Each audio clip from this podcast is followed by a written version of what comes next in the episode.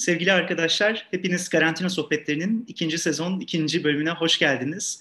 Bugün konuğumuz Paris Bosphorus Enstitüsü Başkanı e, Sayın Doktor Bahadır Kalası. Bahadır Bey, Karantina Sohbetlerine hoş geldiniz. Nasılsınız? Teşekkür ederim Doğacan Bey, hoş bulduk. E, Valla Bahadır Bey e, bugünlerde çok çok yoğunsunuz bunu biliyoruz ama aynı zamanda gençlere vakit ayırmayı da çokça seviyorsunuz. Bu konuda da özellikle ajandanızda yer e, veriyorsunuz gençlere. Bu kapsamda bizlere de karantina sohbetleri için ayırdığınız vakit için size çok çok teşekkür ederiz. E, tabii bugün hem Paris Bosphorus Enstitüsü Başkanı bir ismi ağırlıyoruz hem aynı zamanda e, Türkiye ekonomisine yön veren çok önemli kuruluşlardan birisi olan TÜSİAD'ın 2016 ile 2020 arasındaki Kaptan Köşkü'nde e, oturan ismi e, ağırlıyoruz. E, Türkiye ve Avrupa Birliği ilişkilerine sanırım sizin kadar vakıf olan e, isim çok çok az. Dolayısıyla bugünlerde özellikle gündemin getirdiği konular sebebiyle de biz de çok heyecanlıydık e, bu kapsamda. Belki tabii sorularımızın her biri üzerine en az bir saat e, konuşabileceğimiz konular ama çok merak ettiğimiz sorular topladık. E, hazırsanız yavaştan size sorularımızı yönlendirmek ve karantina sohbetimizi gerçekleştirmek isteriz. Bu kadar e, akıllı bir e, düzenleme ve akıllı e, bir e, insanlarla bir grup ile aynı ortamda olmaya ne kadar hazır olunabilir bilmiyorum ama hazır.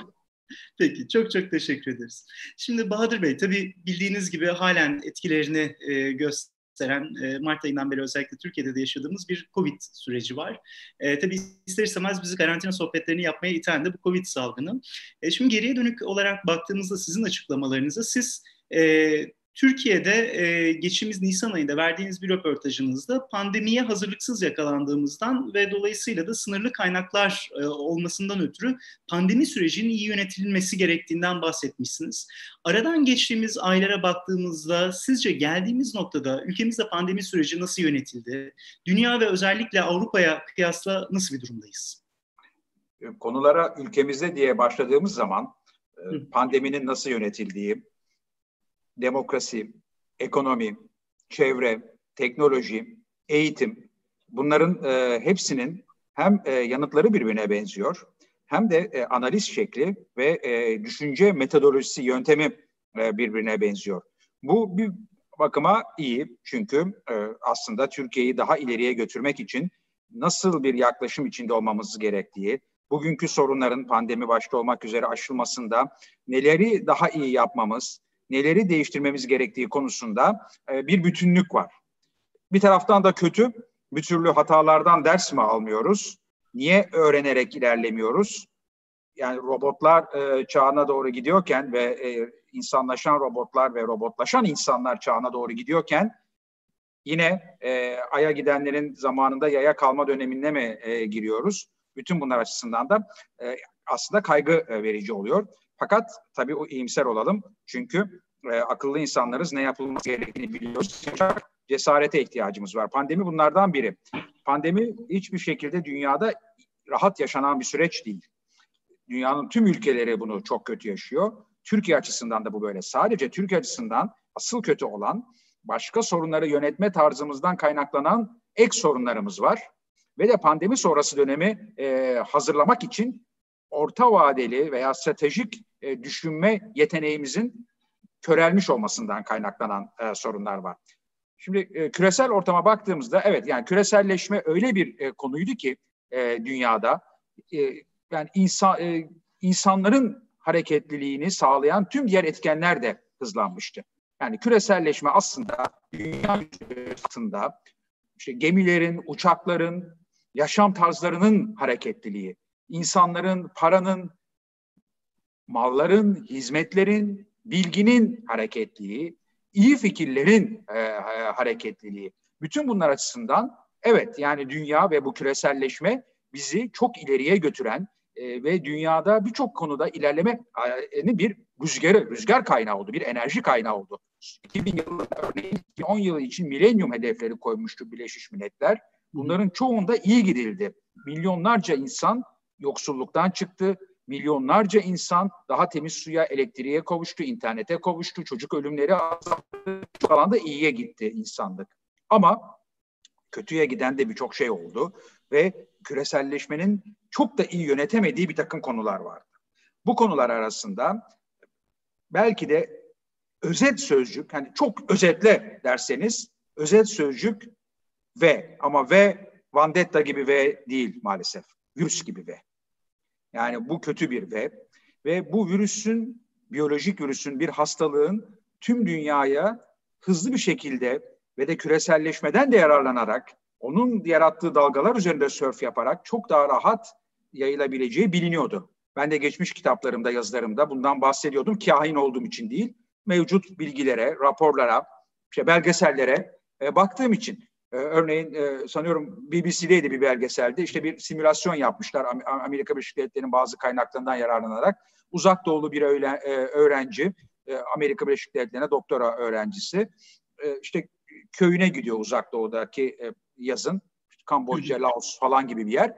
E, ve e, orada bir hastalık kapıyor ve bunun nasıl 72 saatte dünyaya yayıldığı o ülkesi Amerika Birleşik Devletleri'ne geliyorken yani biyolojik virüsler ama sadece biyolojik değil finansal virüsler, virüsler, biosit virüsü, dezenformasyon virüsü, yoksulluk, terörizm virüsü bütün bunlara karşı çok daha dikkatli olmamız gereken bir küresel ortamdayken bir ülke demokrasi olarak, hukuk devleti olarak, girişimcilik ortamı, teknoloji, eğitime yaptığı çağdaş yatırım bütün bu alanlarda zaten yönetilmiyorsa bir de üzerine pandemi gelince sorunlar iyice depreşir. Çok kötü bir deprem yaşadık İzmir'de. Sosyal bir deprem de yaşamaktayız. Pandemiyle beraber toplumun e, geliri giderek ağırlaşıyor, yok oluyor e, ve pandemi sonrası dönemde ülkeler arası rekabet yine çetin olacak. Türkiye olarak maalesef bu dönemden o açıdan da iyi geçemiyoruz. Çok haklısınız e, Bahadır Bey. Tabii e, özellikle sizin söylediğiniz gibi insanoğlu gelişiyor. Harari'nin kitaplarını, sizin de kitaplarınızda aslında açlıklar, ölümler, çeşitli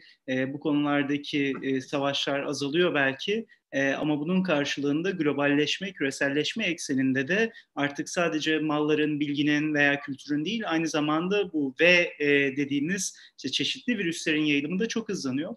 E, bu arada ben size ikinci sorumu yöneltirken arkadaşlarım sadece rica ettiler. Acaba mikrofonunuzu, kulaklığınızı takma şansınız olabilir mi diye zaman zaman sesinizde küçük bir kayma olmuş. E, ben de size ondan bahsetmiş olayım. E, Şimdi tabii e, Bahadır Bey e, sizinle olan e, sohbetlerimizde özellikle üzerinde durduğunuz bir kavram var. O da diyorsunuz ki dünyanın yaşadığı e, dönüşümle hayatımıza yeni kavramların girdiğini söylüyorsunuz.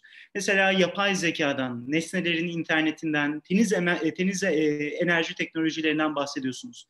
Şimdi tabii son dönemde bütün dünyayı etkisi altına alan ve sizin de az önce bahsettiğiniz bu pandemiyle birlikte aslında bir, bu değişim ve dönüşüm de daha hızlı bir şekilde etkilerini ortaya göster e, çıkarıyor. Siz özellikle ekonomik ve sosyal değişimleri de göz önünde bulunduracak olursanız sizce gelecek günlerde ileride bizi neler bekliyor olacak? E, bunun cevabını da bir o kadar merak ediyoruz.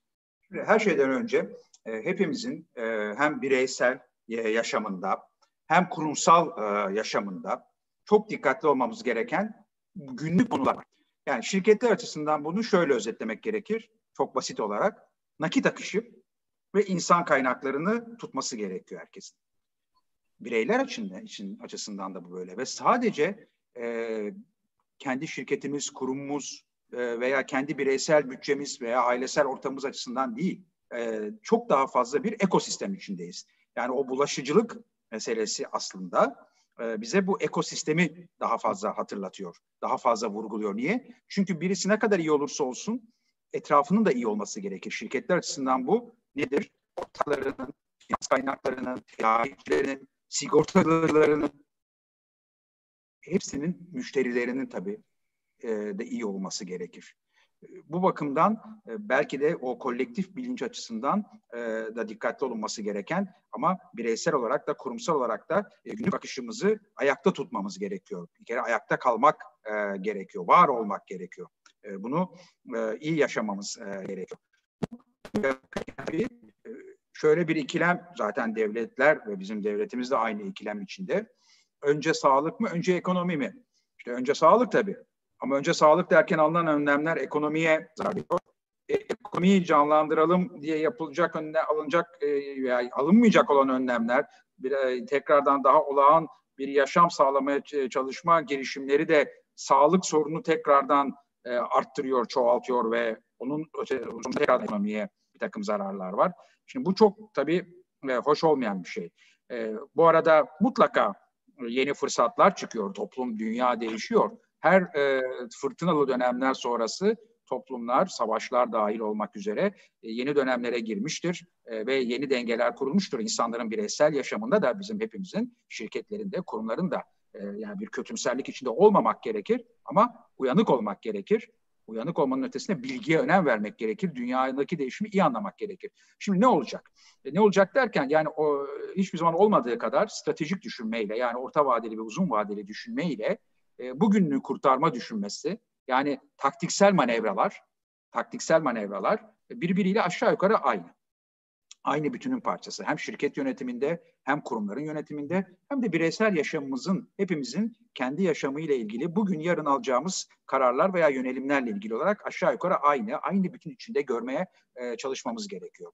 E, bir kere her şeyden önce e, bilgi ve daha iyi öğrenmek, kendimizi geliştirmek için hiçbir zaman olmadığı kadar bir fırsat var. Niye? Çünkü toplum biraz yavaşladı. Bu yavaşlamayı toplumsal akış yavaşladı. Toplum içi hareketlilik yavaşladı geçici olarak. Bunu iyi kullanmamız gerekiyor. Daha fazla okumak, daha fazla sorgulamak e, dönemlerinden birindeyiz. İnsanlık tarihinde sık sık olmuştur. İşte o dönemlerden biriyiz. Daha fazla okumak, daha fazla sorgulamak. Bunu tabii daha fazla üretime, daha fazla eyleme dönüştürebiliyorsak ne ala. Yarının e, meslekleri bugün şekilleniyor. Yarının yetenekleri bugün şekilleniyor. Ama bugünküleri tamamen yok ederek de değil çok daha fazla sorgulayıcı olabilmek, çok daha fazla küresel düşünebilmek, dünyanın diğer bölgelerine ne olduğuna bakabilmek, e, ilişkilere bakabilmek. Örnek olarak yani çok çok değişiyor ama hani örnek olarak örneğin uluslararası ilişkilerde ne değişiyor?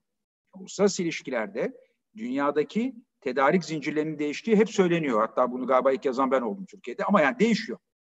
Ama bu değil. Yani tedariğin tedarik kavramının kendisi değişiyor. Tedarik zinciri kavramı kendisi değişiyor. Ee, yeni teknolojilerle bu orta vadede çok daha hızlı değişecek. İşte üç boyut yazıcılarla örneğin e, bir malın ticareti e, satılması illa gemilerle konteynerde olmayacak da bir enformasyonun e, artık çok daha hızlı bir internet veya artık adı ne olacaksa o yeni ağ üzerinden evlerimize inmesiyle olacaktır veya elimize inmesiyle olacaktır. Kuantum bilgisayarları bugün kullandığımız tüm teknolojileri bugün hatta telgrafa nasıl bakıyorsak o hale getirecek. Kuantum bilgisayarı da öyle bir ütopya değil. Bugün Çin ile Amerika Birleşik Devletleri'nin en çok yatırım yaptığı ARGE alanlarından biri. İşte 5G'ye zaten daha hızlı geçiyoruz. Arttırılmış gerçeklik ile cep telefonlarımız büyük olasılıkla işte yine faks makineleri haline dönecekler. Bambaşka e, bir takım e, cihazlar veya işte cihazımsı şeyler kullanıyor olacağız. Veya kulaklığımızdaki bu e, kulaklıklar e, çok daha farklı bir şekilde belki e, cildimizde başka türlü e, e, bir takım ekli eklemelere dönecekler e, insan e, vücudu üzerinde. Bütün bunlar 100 yıl sonra değil. Bütün bunlar e, bir yıl sonra da değil, 10 yıl sonra da değil. Bütün bunlar şimdi olmakta ve olmaya devam edecek. Yani e, yani konulara geniş zamanlı bakmakta e, yarar var. Geçmiş, bugün ve geleceği e, bir şekilde görmekte yarar var. Şimdi bütün bunlar oluyorsa ve olacak ise, yani olmayacak diyorsak tamam konuşacak bir şey yok. Böyle gelmiş, böyle gider. Hiçbir zaman olmamış dünya tarihinde ama, ama olacağını biliyorsak olmayacakmış gibi yapmak gerek bizim kendi yaşamımız yönetimimizde gerek kurumları veya şirketleri yönetirken gerekse devletleri yönetiyorken çok çok büyük bir e, sakınca. Dünyadaki dengeler değişiyorken mutlaka farklı şeyler yapmamız gerekir. Ülkemiz içinde farklı şeylere için bastırmamız gerekir. Örneğin daha fazla teknolojiye yatırım, e, çağdaş bir eğitime yatırım, e, cinsiyet eşitliğine ve özgürlüğe yatırım. Çünkü özgür olmayan insanlar zaten ülkelerini ileriye götüremezler. Özgür düşünce ülke insanı ileriye götürür. Özgür düşünce sadece düşünce özgürlüğü de değil. Varoluş özgürlüğü dinsel olarak, etnik olarak, cinsel olarak, kültürel olarak, entelektüel olarak özgürlükten daha önemli bir şey var mı? Adını duvarlara, adını tüm dijital ortamlara yazmamız gereken bir özgürlük e, kavramı bu. E, buna sahip çıkmak gerekiyor. Buna sahip çıkıyorken e, dünyada şöyle.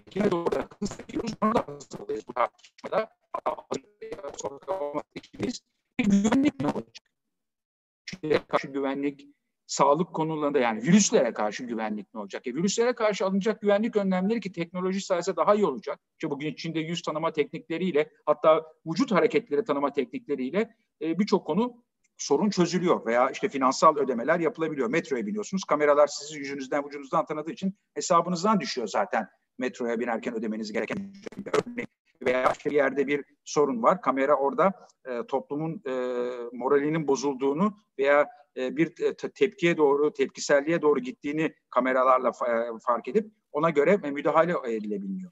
İyi de bu nereye kadar güvenlik, nereye kadar özgürlük? İkisi arasındaki paradoksu nasıl yöneteceğiz? Şimdi birçok konuyu söyledim. Bunun gibi daha birçok şey var. E, temiz enerji e, e, teknolojiye yapacağımız yatırım gerçekten bir manevi yatırım mı? Yani aslında e, fosil yakıt kullanmaya devam etsek, petrol vesaireyle işimize mi baksak yoksa zaten bakamayız işimiz çözecek. Temiz enerji e, teknolojilerine daha hızlı ve daha iyi geçemezsek ve daha akıllı kent yaşamına, akıllı kırsal yaşama, tarıma daha hızlı geçemezsek bütün bunlar çok önemli ikilemler.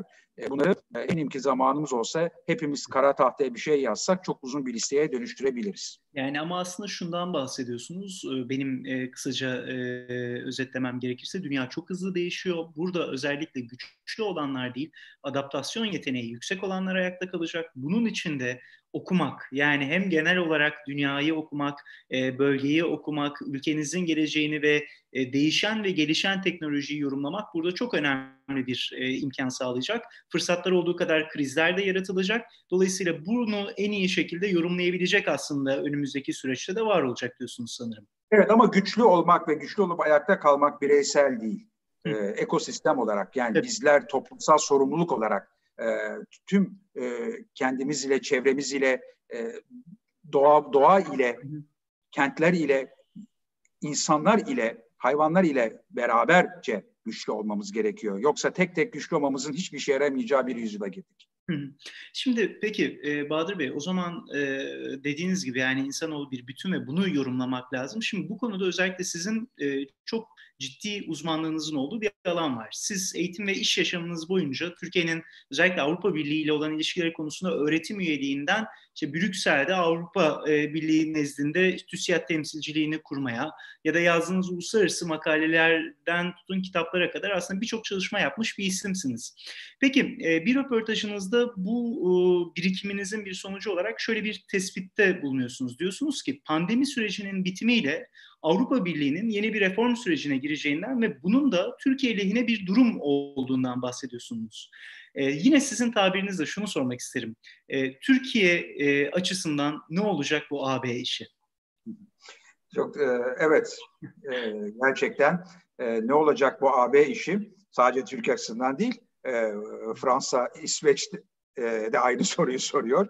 E, ne olacak? Avrupa Birliği e, İkinci Dünya Savaşı'nın e, kalıntılarından çıkmış e, insanlık uygarlığının çok önemli bir projesi. Barış getirdi. İnsanlar arası ortak dayanışma getirdi. Farklı dillerdeki insanların, farklı etnik kökenlerdeki insanların bir arada bir ortak gelecek inşası açısından bugüne kadarki en büyük başarı ve tabii ki insanlık uygarlığının tüm ilerlemeleri, başarıları gibi kesinlikle mükemmel değil. Onun ötesinde birçok eksiği, birçok açığı ve sürmekte olan bir e, şantiyesi var.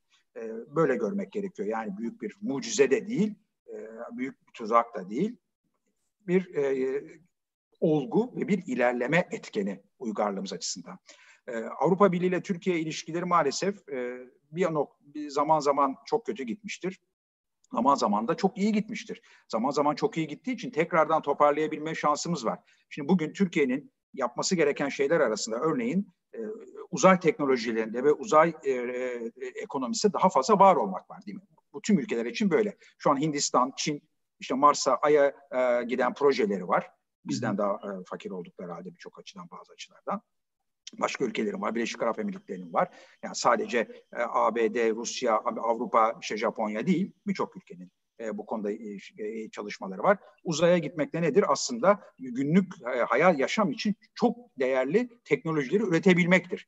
Yani sadece uzayla ilgili bir şey değildir. Uzay tüm e, ülkelerin ve tüm teknolojinin ekonominin ileriye gitmesi içindir. Bizim de bunu yapmamız gerekir. Şimdi bunu tartışabiliriz ve gerek niçin gerektiğini konuşabiliriz. Bir takım projelerde çıkabilir. Başarıp başarmayacağımızda bir muammadır görürüz. AB işi bakın böyle değil. Avrupa Birliği işi böyle değil. Yani Mars'a gitmek değil. Daha önceden başardığımız bir konu. Daha önceden başardığımız bir konu. Çok e, yakınına geldiğimiz bir konu. Türkiye e, Avrupa Birliği'nin demokratik e, kriterlerine, ekonomi yönetim kriterlerine e, büyük ölçüde uydu mevzuatına uydu. Bugün hala tüketici hakları kanunumuz, fikri mülkiyet, rekabet gibi birçok konuda birçok bazı başka yerler, iş yerinde sağlık, güvenlik gibi konularda e, e, Avrupa Birliği standartları e, kısmen var. Kiminde de yüzde yüze yakın var. E, bununla Türkiye'yi çok ileriye götürdü bu e, konular. Şimdi bu, e, Türkiye Avrupa Birliği ile ilişkileri döneminde hem özgürlük ortamı olarak ilerledi, dünyada muazzam yatırım çekti, o yatırım e, iş yarattı, teknoloji yarattı, Türk şirketleri dünyaya açıldı. E, Türkiye'nin üniversiteleri, sivil toplum kuruluşları dünyaya daha rahat açıldılar. E, Türkiye'ye muazzam sayıda turist gelmeye ve daha çok para bırakmaya başladı. Türkiye daha çok üründe daha fazla katma değerli ihracat yapar hale geldi. Dünyanın birçok kuruluşları, kongreleri, yıllık toplantıları, insanlar düğününe, sosyal etkinliklerine Türkiye'ye geldiler. Yani Türkiye bu yılları yaşayabilmiş, başara bilmiş bir ülke e, ve onun üzerinde devam edebilmeliydi, edemedi. Nedenleri ayrı. Yani konumuz yakın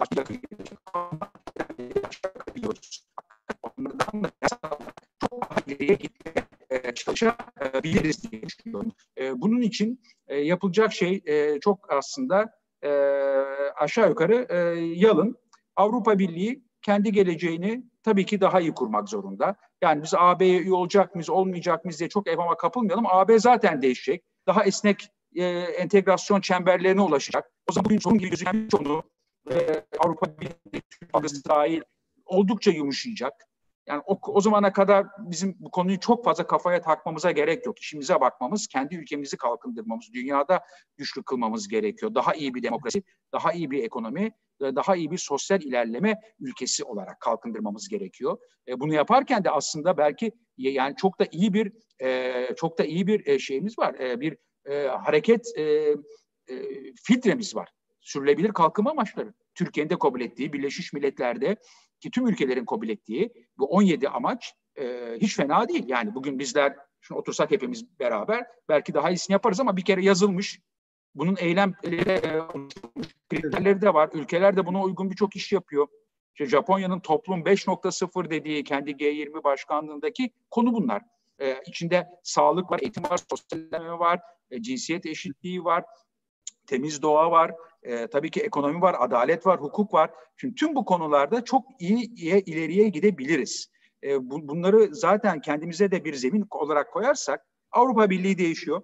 Türkiye'nin değişmesi gereken yol belli. Yani daha iyi bir toplum olmak için tüm dünya için, tüm ülkeler için belli. Bütün bunları yap, yaparsak Türkiye-AB ilişkileri de yeni bir e, sürüme ulaş, e, ulaşır. Yani bir 5.0 sürümüne e, yerleşir. Orada hem gümrük birliğinin e, yenilenmesiyle ilerlemek başlar gümrük birliği, daha dijital Avrupa tek e, dijital pazarına e, oluşmakta olan daha iyi uyum, e, aynı zamanda daha yeşil çünkü yeşil anlaşma çıkarttı ortaya ki e, Amerika Birleşik Devletleri'nde seçimi büyük olasılıkla Biden kazanırsa o da tekrardan Amerika'yı da oyuna sokacak.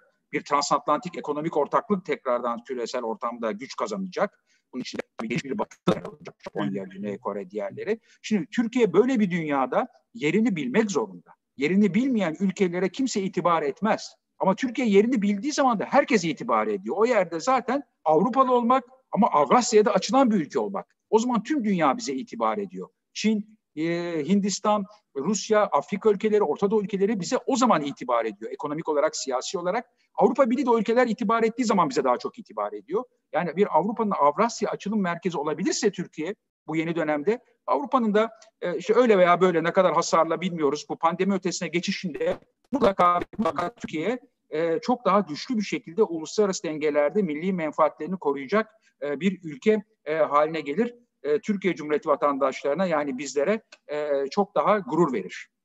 E, tabii çok haklısınız. Yani özellikle tabii Avrupa Birliği konusunda e, biz de umutkar e, olmak istiyoruz ama tabii yaşım itibariyle mazisi benden de eskiye dayandığı için e, bu konuda da her geçen yıl ister istemez bizleri biraz daha düşündürtüyor. Dediğiniz gibi yani dünyadaki dengeleri umarım bu sefer gayet iyi yakalayarak e, Avrupa Birliği'nin de yeni oluşturacağı modelde, yeni çemberlerde biz de yerimizi alabiliriz. Çünkü çok haklısınız. E, yani bizler muasır medeniyetler seviyesinde yer almaya ve bu konuda dünyaya örnek bir ülke olmaya bence yapımız itibariyle müsaitiz ama umarım bunları sadece temenni de değil gerçekleştireceğimiz günleri de yaşarız. Peki şimdi Avrupa Birliği'nden bahsettik. Ee, sizin bugün burada ağırladığımız sıfatlarınızdan birisi Paris Bosphorus Enstitüsü Başkanı olmanız. Şimdi Paris Bosphorus Enstitüsü'ne baktığımızda şunu görüyoruz. Aslında Fransa ve Türkiye arasındaki diyaloğu artırmak ve iki ülke arasındaki ilişkileri geliştirmek amacıyla kurulmuş olan bir e, yapı. E, lakin son günlerde bir de bir Fransa krizimiz e, oldu. E, siz bu son günlerde Fransa ile Türkiye arasında yaşanan sorunu nasıl yorumluyor? Sebebini neye dayandırıyor ve çözümünün nasıl olacağını öngörüyorsunuz? Bir mantıksızlıktır bu, akıl dışılıktır her iki taraf içinde. Ülkeler arasında e, anlaşmazlıklar olur, çok sertleşmeler de olur. Bugün hali hazırda Avrupa Birliği toplantılarına baktığınızda aynı ulusüstü yapı içinde yer alan e, Almanya, Fransa, İsveç, İtalya, İspanya, Yunanistan birbirine birçok konuda giriyorlar. Çok sertleşebiliyorlar. Bütün bunlar olur. E, fakat bunları e, bu dereceye getirmek yanlış. E, tabii e, Fransa'da e, Macron'un e, bir takım açıklamaları e, çok e, yanlış, işte, dezenformasyon virüsü e, yanlış aktarıldı dünyaya. Kendisi bir daha işte e, bir Orta Doğu kanalıyla bir mülakat yapıp böyle bir şey söylemedim ki kaydı yok, kuydu yok, nereden çıkartılıyor e, dedi. E, Fransa kendi açısından bir e, düzene sokmaya çalışıyor e, ülkesindeki e, örgütlü e, dinsel kurumların varlığını, onların denetimini, bu sadece e, işte İslam ile ilgili değil, başkalarıyla da ilgili, e, terörle ilgili konular var. E, bunun yanı sıra tabii iç siyaset var. İç siyasette e, orada da tabii hareket alanları e, daraldıkça siyasetçiler maalesef bugün tüm dünyada olduğu gibi Fransa'da da, işte Türkiye'de de, diğer ülkelerde de bazen e, o manevraları e, zarar verici olarak orta vadede yapabiliyorlar. İşte aşırı sağ gelmesin diye aşırı sağ bir takım söylemlerine göz kırpar hale gelmek güvenlik gibi konularda örneğin e, çok da fazla merkez sağ ve sol partilere yaramaz. Bu biliniyor. Yani Ama zaman zaman bunu yapıyorlar şunu söyleyebilir miyiz? Yani bir anda küreselleşme artarken bunun bir tepkisi olarak da aslında bir popülizm dalgası da dünyaya geliyor. Ve dediğiniz gibi yani küreselleşme algısını savunan isimlerin bile zaman zaman popülist söylemlere başvurduğunu görüyoruz açıkçası. Tabii, tabii, kesinlikle, kesinlikle. Yani siyasetin dili hiçbir zaman e, 21. yüzyıldaki uygarlığın ilerleme dili olmadı. Yani o istediğimiz, umduğumuz e, dünyaya bir gezegen olarak bakma, dünyayı bir e, aslında bu uzayda ne kadar e, küçük, e, mavi, narin bir e, nokta olarak görmek bir türlü tam olarak oturmadı. E, bunun oturacağı zamanlar gelecek. E, daha fazla, daha insanlık uygarlığı daha iyiye gidecek. Yani bunu tabii ki bilemiyoruz ama teknoloji, yapay zeka gibi konulardaki ilerleme, bütün bunlar bir noktada bir antitez döneminden geçiyorlar belki. Daha iyi sentezleri bulacaklar. Yani 21. yüzyılın insanlığının bunu başaracağına e, eminim. E, ama bu oluyorken yani bu oluyorken mutlaka ve mutlaka e, güncel konuları iyi yönetmemiz gerekiyor. Fransa krizi gibi konular olabilir bu. İşte teknolojiye yapacağımız yatırımın ekonomiye artı katma değere dönmesi gibi daha 4-5 yıllık evrelere dayalı olabilir. Eğitime bugün yapılması acil e, reform çalışmaları gibi daha e, orta vadeli işte 7-8 yıl sonra meyvesini verecek konular olabilir ama bunları yapıyor olmak zaten ülkeleri güçlendirir. Bunları yapan ülkeler uluslararası ilişkilerde güçlüdür. Türkiye'nin uluslararası ilişkilerde en güçlü olduğu dönemlere bakalım. Fransa krizi açısından da bakalım. Açısından da. Ne zaman güçlü olmuştur Türkiye? Şu konularda daha ileri gittiği dönemlerde. Demokrasi, insan hakları, özgürlükler, toplumsal ilerleme alanları, cinsiyet eşitliği dahil olmak üzere, Avrupa ile entegrasyon süreci, dünyaya açık e, konular Türkiye'nin milli menfaati. Türkiye bu konularda yani hukuk sadece hukuk değil, insan hakları, özgürlük sadece özgürlük değil. Aynı zamanda ekonomi, aynı zamanda sosyal ilerleme, aynı zamanda milli menfaat, aynı zamanda haklı olduğumuz dış politika davalarında e, müzakerelerde güçlü olabilmektir. Haklı olduğumuz dış politika, mesela terörle mücadele konusu ne kadar haklı olduğumuz bir konu. Ama bunu söyleyen ülkenin e, aynı zamanda dünyada daha ileri giden bir demokrasi, insan hakları ve hukuk devleti olması gerekir. O zaman işte güçlü olur. E, o zaman çok daha ileriye gider. E, aynı zamanda aynı şekilde siyasi üslup, toplumsal tartışma, toplumsal kutuplaşmaya e, dönüşmemeli. E, saygı ve sevgiden yoksun e, ülkeler millet olamaz ki. Neyin milli ve yerlisi o zaman? E, karşılıklı olarak. Yani sevgi toplumun... bağı ve ruh lazım e, demişti Gönenç Bey. Müreffeh bir toplum için ortak sevgi bağı ve bir ruh yaratmak gerekiyor diye. Sizin bu söyleminiz de bunu destekliyor. Peki şunu sormak istiyorum Bahadır Bey. Yani böyle bir ihtiyaç var ve bugün bizim açımızdan bir kriz olarak karşılanıyor bu. Peki Fransa açısından Türkiye ile bir kriz öngörüyorlar mı? Onlar böyle bir şey yaşıyorlar mı, hissediyorlar mı? Sizce? Onlar yumuşatmaya çalıştılar. Orada da çok ağır eleştiriler var. Fransız basınında e, önde gelen birçok düşünce kuruluşu e, ve e, emekli diplomat örneğin gazetelere açıklamalar yaptılar, bildiriler yayınladılar.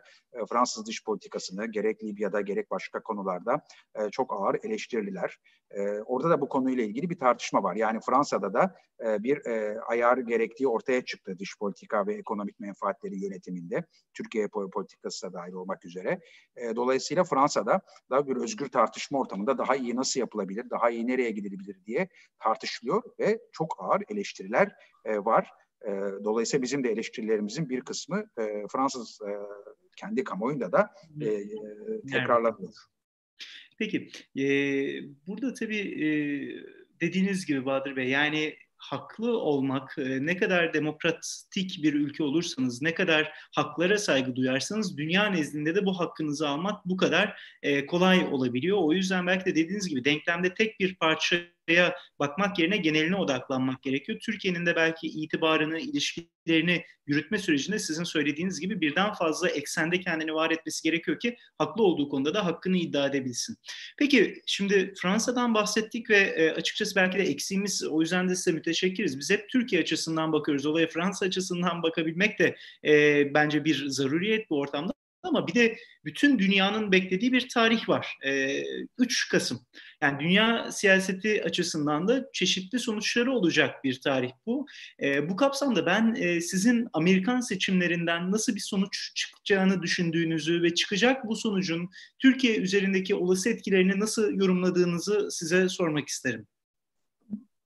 Amerika Birleşik Devletleri seçimleri her zaman e, dünya tarihini etkilemiştir. Hı hı özellikle 20. yüzyılda işte Birinci Dünya Savaşı'nın gidişatı sonrası 1920'lerdeki e, e, ekonomik buhran, e, İkinci Dünya Savaşı daha sonraki dönemler her, her zaman etkilemiştir. Amerika Birleşik Devletleri'ndeki seçimin bu seferki sonucu çok daha fazla etkileyecek. Amerika Birleşik Devletleri tabii çok eski bir demokrasi, oturduğu önemli temeller var. Bir ortak paydası olan bir ülke. Dolayısıyla kim seçilse seçilsin değişmeyen politikalar var. Ve öyle veya böyle bir belli kurumsal kültürü var. İşte bu açılardan bile baktığımızda hiçbir zaman olmadığı kadar çok farklı yere doğru götürmek söz konusu. Sadece Amerika'yı değil, dünyayı. Şimdi bakarsak tabii ki Biden'ın politikaları Trump'ın politikalarına göre çok daha dünya konularında yapıcı ve olumlu yaklaşıyor. Dünyadaki uluslararası ekonomi, finans, ticaretin tekrardan daha çok taraflı bir yapıya oturtulması, tek taraflı ticaret savaşları yerine Paris İklim Değişikliği Anlaşması'na geri dönülmesi çok önemli. Yani Trump e, tamamen Amerika'yı soyutladı. Amerika Birleşik Devletleri'nin hem transatlantik ortaklık yani AB arasındaki ekonomik ilişkileri tekrar canlandırması. Burada bir parantez açayım. AB ile ABD, Avrupa ile Amerika, Kuzey Amerika olarak da bakmak gerekir. Hatta Kanada var. Birbirlerinin dünyadaki en önemli ticaret ortağı. En önemli yatırım ortağı, teknoloji ortağı. Ee, aynı zamanda Avrupa Çin ile öyle. Avrupa dünyanın tüm ülkeleriyle e, çok derin ekonomik bağları e, var, anlaşmaları var. Japonya dahil olmak üzere. Amerika'da e, Avrupa'nın arkasından gelir bu konularda her zaman. E, ekonomik olarak daha büyük tabii güçtür siyasi olarak ama anlaşmalar ve standartlarda da bir Brüksel efekti dediğimiz, e, Brüksel etkisi dediğimiz bir şey vardır. O standartları ve kurumsallığı da Avrupa Birliği getirir. E, böyle bir geniş batı var. Japonya'nın, Güney Kore'nin, Avustralya, Yeni Zelanda'nın, Meksika'nın, Kanada'nın da, Türkiye'nin de dahil olduğu bu isimli dünyası var. Şimdi baktığımızda da e, bu dünyayı, bu geniş ve daha da genişleyeceğini umacağımız, umduğumuz batıyı, yani e, ortak paydası, demokrasi, e, bağımsız kurullarıyla merkez bankaları başta olmak üzere e, ve devlet istatistik enstitüleri gibi kurumları başta olmak üzere bağımsız kurullarıyla iyi işleyen bir piyasa ekonomisi ve sosyal kalkınma idealleri, çevre politikaları, eğitim, işte e, cinsiyet eşitliği gibi konularda tüm bu alanlarda bir e, ortak paydaları olan asgari bir batı var. İşte Biden'ın politikaları bu geniş batıyı tekrardan daha canlandırıcı e, boyutta. Çin ile tabii ki her iki tarafında anlaşmazlıkları aşağı yukarı Amerika'nın ortak var. Biden e, Çin'i daha fazla kendi e, tarafına çekici bir politikaya doğru gidecektir. Ta, o kadar dışlayıcı bir e, politika izlemeyecektir. Ee, Çin'in de tabii politikaların ne olacağını göreceğiz. Çin'de büyük muazzam bir dev oldu, teknolojiye büyük yatırım yaptı. Bazı açılardan çok daha sosyal ve siyasi olarak ayrı bir yön, yönelimde gibi ama onun da kendi içinde çok önemli sosyal sorunları var, ekolojik e, sorunları var. E, ve de yani dünya politikasında saldırgan bir üslup izleyen bir ülke değil aslında. Yani onu da e, hakkında vermek gerekiyor. Ama kendi iç sorunları çok ciddi sorunlu gibi sorunlar da dahil olmak üzere. Şimdi o bakımdan yani Biden sanki daha e, öngörülebilir bir dış politika ve dış ekonomik politikalar e, ve çevre politikası e, tesis edeceği için dünya için daha iyi olacak. Dolayısıyla dünya için daha iyi olacak olan bir gelişmenin Türkiye için de daha iyi olması gerekir. Eğer Türkiye için daha iyi olmayacaksa bir sorun var. Ciddi bir sorun var. Türkiye için de dünya için daha iyi olacak bir şey Türkiye için de daha iyi olmak zorunda. Yoksa denklemde bir sorun var. O sorun da Türkiye'de demektir. Buna çok dikkat etmemiz gerekiyor tartışırken ve dünyayı da bunu yansıtıyorken. E, bu açıdan e, bir kere net durmalıyız. Tabloyu berrak görmeliyiz. Ha, Biden'ın bir takım politikaları Amerikan iç e, siyaseti ve ekonomisi açısından tabii e, Trump'a göre önemli farklılıklar da içeriyor. Vergileri daha fazla arttıracağı, e, eğitime daha fazla yatırım yapacağı, e, fosil yakıtlara değil yeni temiz enerji kaynaklarına e, para kaydıracağı gibi konular var. E, Trump'ın ekonomiyi canlandırma politikalarının daha farklı olduğu gözüküyor. Pandeminin yönetiminde Trump e, maskelerin yararına pek e, inanmıyor e, ama Tabii sonuç e, çok e, kötü e, olmakta. Trump'ın dış politikasında e, siyasi liderlerle, örneğin Putin ile işte başkalarıyla e, bir telefon diplomasisi olayı var. Bu telefonda insanlarla iyi konuşuyor belli ki. E, o liderler de ister istemez işte koskoca Amerika Birleşik Devletleri Cumhurbaşkanı bize böyle dedi diyorlar. Bir bakıyorsunuz 24 saat sonra bambaşka bir politika hop ekonomik şoklar yaşanıyor. Yani e, iyi mi kötü mü o samimiyet kurumsal olması dış politikanın daha iyidir. Ama yani şunu da görmek gerekiyor. ABD toplumu değişiyor. Avrupa, Amerika'nın sosyoekonomik yapısı hızla değişiyor ve o da bu kutuplaşmayı yönetmekte zorlanıyor. Amerikan halkının içinde e, işte örneğin Trump'a oy verenlerin büyük çoğunluğu demin dediğiniz gibi popülist dalganın üzerinde gelen kesim. E, daha eğitim olarak e, veya kırsallık olarak daha e, farklı bir kesim Trump'a destek veriyor veya dezenformasyon virüsüne bulaşması daha kolay kesimler diyelim Trump'a destek veriyor. Bütün bunlara da bakalım. Baktığımız zaman gerçekten büyük bir soru işareti var. Hillary Clinton büyük bir fark atmıştı Trump'a. Yani 3 milyona yakın oyla kazandı e, e, toplum e, halk seçimini, halk oylamasını.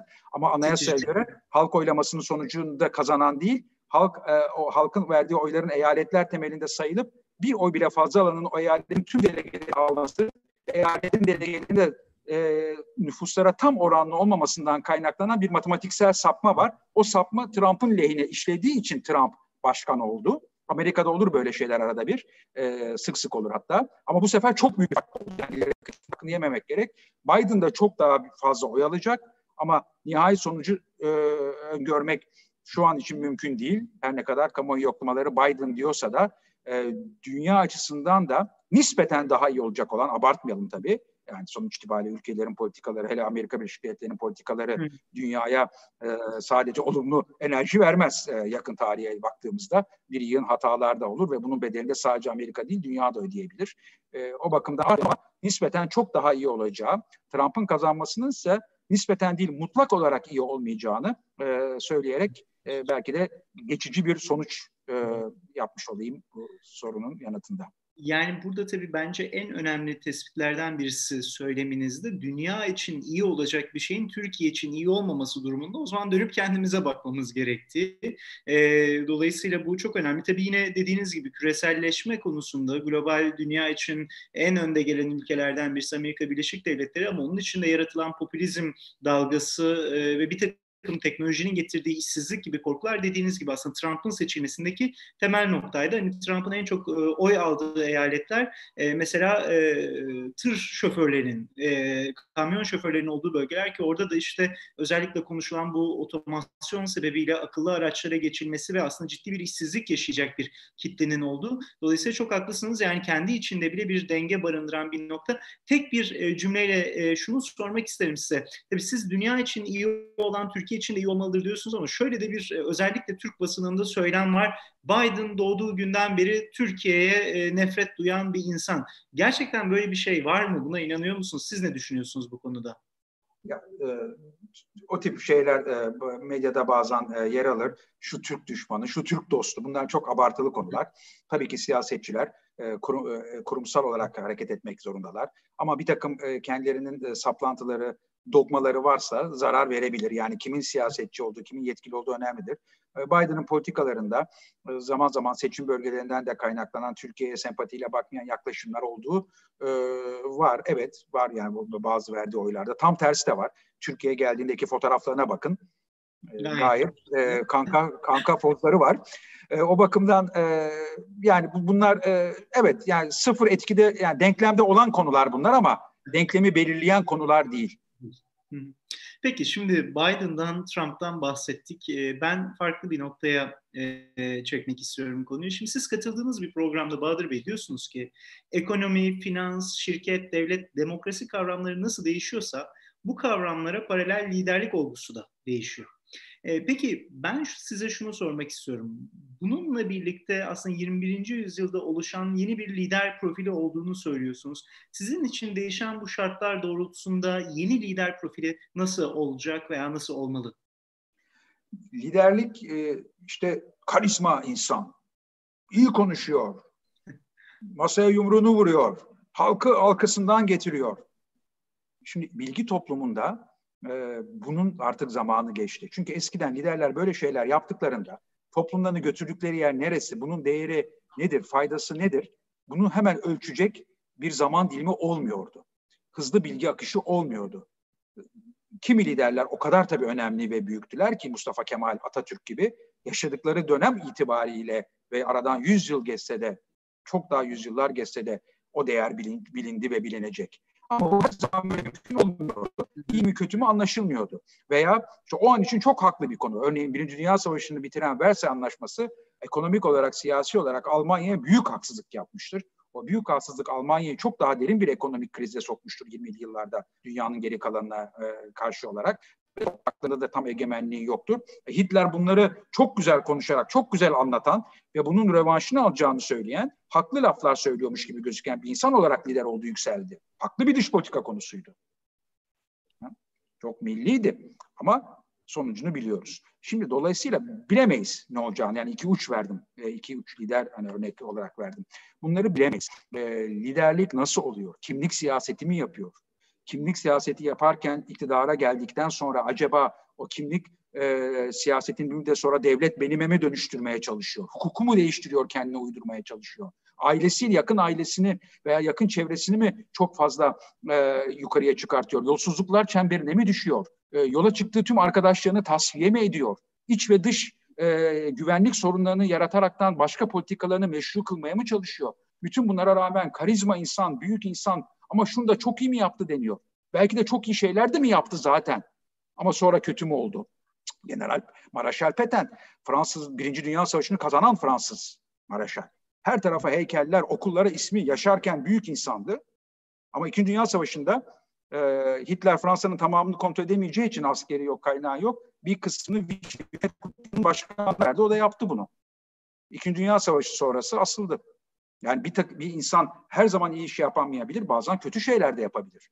E, bütün bunları bilemeyiz. Yani tarihin çok farklı şeyleri var. Hangi Napolyon e, e, büyük savaşlar kazanmış, işte Fransa'yı değiştirmiş, hukukuna kadar bugün hala kullanılan yasaları getirmiş Napolyon mu? Fransız insanlarını ve Alman topraklarını, Rus topraklarını kana bulamış e, Waterloo'nun e, mağlubu, mağlubu e, Napolyon mu? Bilemeyiz. Ama yani bunları tarih yapar. Fakat 21. yüzyılda tarih çok fazla ve çok daha hızlı bir bilgi akış içindeyiz. Bunun içinden dezenformasyon da geçiyor maalesef. O da ayrı bir sorun. Şey diyorum ya antitez dönemindeyiz. Daha iyi bir dengeye e, yaklaşamadık. Ama tarihin diyalektik akışında e, lider 20. yüzyılda belki de kullandığımız teknolojiler, ortamlar gibi çok daha kolektif, daha yine çok moda tabir ama ekosistemsel olacak. Yani liderlik düşüncelerle, liderler sivil toplum hareketleri e, olacak. Liderler bir düşünce birliği olacak e, liderler bir teknolojiyi daha iyi dönüştürme, dönüştürme girişimleri olacak. Liderlik e, bir insana bağlı olmaktan çıkmalı e, çıkmasında yarar var. E, o tip liderler istemiyor artık genç kuşaklar konuştuğum zaman hep e, bunu bunu görüyorum. Hatta en genç kuşaklarla konuştuğum zaman e, istemiyoruz bile demiyorlar. Liderin ne olduğunu bile bilmiyorlar bilmek istemiyorlar.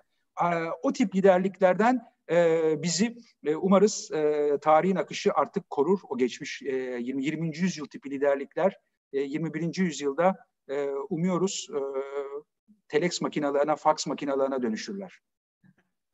Valla e, az önce ilk sohbetimizde ilk kısmında dediniz ki telefonlarımız fax makinesine dönüşecek. Ben de gözüm telefona kaydı. Yani tarihin herhalde en pahalı fax makinelerini kullanıyoruz şu anda.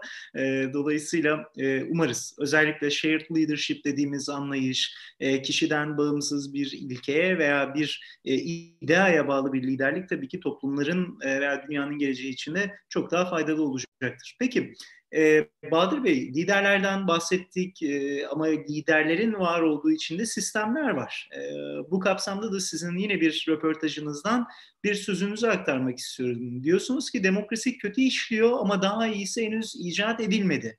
E, peki size göre ideal bir rejim nasıl olmalı? Size göre olması gereken rejim demokrasiden fazla ya da eksik olarak neleri barındırıyor?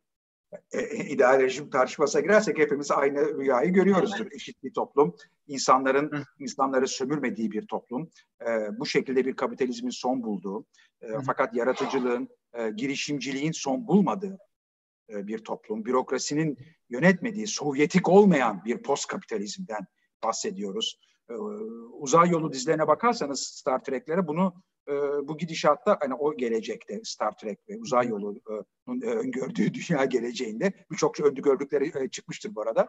E, bir replicator diye bir teknoloji var. Her şeyi e, tekrarlı üretebiliyor yiyecek. E, yani insanların ihtiyacı olan her şeyi. Dolayısıyla para bitmiş. Para çıkınca da e, e daha düzenli, hakkaniyetli bir e, toplum e, oluşmuş e, yeryüzünde. Bilemiyoruz bunlar nereye götürür? Ama ilk aşamada yani toplum 5.0 ise demokrasi 5.0. Ee, yani her konunun yeni sürümü. Yani 5.0 yalınlaştırmak için tabii kullanılan bir şey. O da bir dogma haline gelmemeli. Ee, önemli olan şu. Daha iyinin arayışının ve daha iyinin arayışının e, bilim ile bilimin ise kendini sürekli yenileyerek ilerlediği, sorgulayarak ilerlediği bir dünyadır belki de. Daha iyi aramak, bilim temelli aramak bilimi de sürekli daha ileriye götürecek bir sorgulama e, içinde olmak. Bunu başarırsak e, gerisini e, artık insanlık uygarlığı ya halleder ya halledemez. Dediğim gibi yani gün gelecek bilemiyorum. Yani gerçekten robotlar insanlaşacak mı? Yani böyle bir Matrix'teki falan gibi filmdeki gibi dünya olacak mı? Yoksa 1984 falan gibi filmlerdeki e, dünyaya doğru gidecek miyiz? E, sanmıyorum. İnsanlar biraz daha robotlaşacak mı? O da kesin. Bambaşka sentezlere doğru da gideceğiz. E, geleceği öngörmek çok zor. Yani kurgu bilim filmlerine bakın. Gelecekle ilgili her şeyi öngörürler. İşte en başlarda böyle önüne geldiğinizde açılan kapılar vardı. İşte ekranlardan konuşuyordunuz insanlarla. E, işte uzay, hızlı gitmek, ışık hızıyla gitmek, şu bu falan. Ama gelecekle ilgili filmlerde örneğin internet yoktur. İnterneti öngörmemişler. Bugün neyi öngörmüyoruz? Ha belki internet zaten olacak gelecekte onu da bilmiyorum. Yani bilemiyoruz. Ee, ne olacak, e, ne olmayacak. Ama neyin olması gerektiğini bilerek onun için çalışırsak işte o zaman lideri bulmuş oluruz. Lider çünkü biziz, hepimiziz. Yani biz değiştireceğiz ama hemen değiştirmeye başlamamız gerekiyor. gerekiyor. Kaybedecek bir şeylerimiz var mı? E vardı belki. Yani dünyayı kaybedebiliriz. Yani gezegenimizi kaybedebiliriz demeyelim. Tam tersine. Geze, haddimizi bilelim. Bu da çok önemli. Dünyaya hiçbir şey olmaz. Güneş var olduğu sürece dünya olacak. İnsanlık uygarlığını kaybedebiliriz. Ve bunu kaybeden kuşaklar biz olabiliriz. Bizim ömrümüzde olabilir. Bunu engellememiz gerekiyor. Hı. Ders almamız gerekiyor. Ama ders alarak da yeni dogmalar yaratmadan ilerlememiz gerekiyor. Sorgulayarak e, ilerlememiz ve hep beraber ilerleyerek kendimiz için, çevremiz için, hayvanlar için, doğa için faydalı şeyler yapmaya hepimiz denesek, daha fazlasını yapsak zaten bence çok çok daha ileriye gideriz e, hep beraber. Ee, çok haklısınız. Yani bu dünya e, öngörüsünde ki sizinle daha önce TÜSİAD'la yaptığımız sohbetlerde de bunları hep böyle büyük de bir heyecanla dinliyordum. Bu arada e, bir küçük bilgi vermek isterim. Star Trek'ten e, siz e, bahsettiniz. Sizin sanırım hayatınızdaki kadın rol model de Catherine Genevay. Oradaki e, Star Trek Voyager kaptanı değil mi? Nereden biliyorsunuz? Voyager'ın e, e, evet e, Star Trek dizilerinden birinde e, ki kaptanlardan biri Catherine Janeway. Çünkü orada yani o, o, o seride Voyager'da e, uzayın bambaşka bir yerinde kaybolmuş bir uzay gemisidir ve her e, değişik yaşam türleri aynı e, e, uzay e, gemisinde bilinmeyen içinde var olup bir düzen kurmaları gerekir. Hem disiplin ve kolektif bir anlayış gerekir ama hem de bireysel farklılıkların iyi yönetilmesi, gerektiği zaman da kuralların esnemesi gerekir. O dengeyi sürekli sağlamaya çalışan e, Catherine Janeway e, benim gençliğimdeki rol modelimdi, evet. Dersimize iyi çalışmışız o zaman. Peki. e, Bahadır Bey, size e, son sorum da şu olsun, müsaadeniz olursa. E, zaten de baktım. Şimdi tabii sürekli değişen ve gelişen bir dünyada e, sizler e, yıllar boyunca çok kıymetli tecrübeler edindiniz. Yani Türk ekonomisinin dediğim gibi en önemli amiral gemilerin birisinin kaptan köşkündeydiniz. Avrupa, dünya, Türkiye ilişkilerini hem politik anlamda hem ekonomik anlamda yorumlama şansınız oldu. Ama bunlar dünün ve hatta belki biraz bugünün konuları ama sizin de özellikle vurguladığınız bir yarın var ve bu yayını da izleyen yüzlerce gencin merak ettiği konu, sizin gibi kıymetli bir ismin ağzından e, gençlere bugünleri ve gelecekleri için neler önerirsiniz? Özgürlük, birbirinizle dayanışma, yani toplumsal sosyal sorumluluk aynı zamanda, cesaret. Ama aynı zamanda da kendinizi ben bunu yaparım, ne istersen başarırım gibi gereksiz stresler altına koy sokmama. Hayır, başaramayabilirsiniz arkadaşlar. Olmayabilir. İnsan hayatta en çok istediği şeyleri başaramayabilir. Ama belki de onları başarmak da değildir hayatın anlamı ve e, kriteri. Ama başarmak için çalışmak ve bunu bunun için de iyi bir şeyler yapmak, doğru olanı yapmak ve beraber yapmak, toplumsal sosyal sorumluluk içinde yapmak ve özgürlüğe ne olursa olsun sahip çıkmak. Bence Bunlar yeterli. Ve de hepimizi çok daha iyi yapar, gezegenimizi daha iyi yapar. Ee, yani sohbetin sonunun böyle bitmesi beni de çok etkiledi. Çok teşekkür ederim. Yani tüm arkadaşlarımız adına öngörüleriniz, ayırdığınız zaman dünyada yaşanan şeyleri bilebilmemiz gerekiyor gençler olarak. Bunlar için sizler aslında bizler için birer canlı kitapsınız. E, bugün şimdi arkadaşım da kulağıma söyledi. 2600 arkadaşımız bu yayına katılmış, izlemişler. E, o açıdan her bir adına size e, sonsuz teşekkürlerimizi sunarım. Tekrar çok teşekkür ederim. E, sevgili arkadaşlar, Karantina Sohbetleri ikinci sezon, ikinci konuğumuz Doktor Bahadır Kaleası'ydı. Hepinize ayırdığınız kıymetli vakit için teşekkür eder. İyi akşamlar dilerim.